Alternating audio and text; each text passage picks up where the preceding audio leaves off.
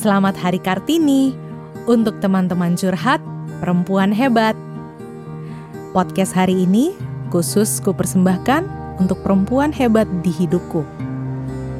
Sosok Kartini yang pertama aku kenal adalah mamaku. Melahirkan anak pertamanya di usia yang sangat muda, yaitu 20 tahun. Berhasil melewati masa depresi pasca melahirkan atau yang kita kenal baby blues dengan menguatkan pikirannya. Sampai akhirnya berhasil mendidik empat anak-anaknya dengan baik. Sosok Kartini yang kedua adalah ibu mertuaku. Merantau ke Jakarta di usia yang sangat muda untuk nasib yang lebih baik. Dengan tekun dan gigih bekerja apa saja untuk sedikit rejeki. Sampai akhirnya ia berhasil menopang keluarga dan melahirkan tiga anak yang sukses. Berikutnya untuk Miss Ingrid Harsinta dan Miss Elizabeth Indah Susanti. Atau Miss Susan, Ucan. Dua orang pendidik yang selalu kreatif dan inovatif. Mereka berdua yang banyak mengajarkanku untuk menjadi seorang guru yang selalu terbuka pada hal baru dan selalu peduli pada semua siswa tanpa pilih kasih. Tetaplah berkarya ya Miss, di mana pun kalian berada.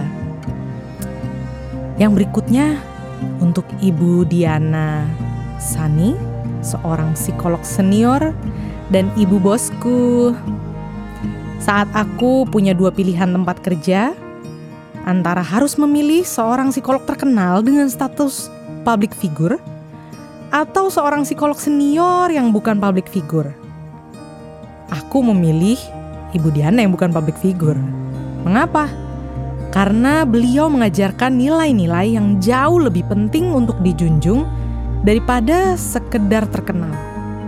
Ia menghargai kejujuran, kerja keras, dan tanggung jawab. Makasih ya Bu telah mengajarkan saya banyak hal untuk menjadi psikolog yang berintegritas dan terpercaya. Kartini berikutnya adalah Kartini yang berkarya di bidang seni, yaitu Elisa Munster dan Arni Dulisha Putri.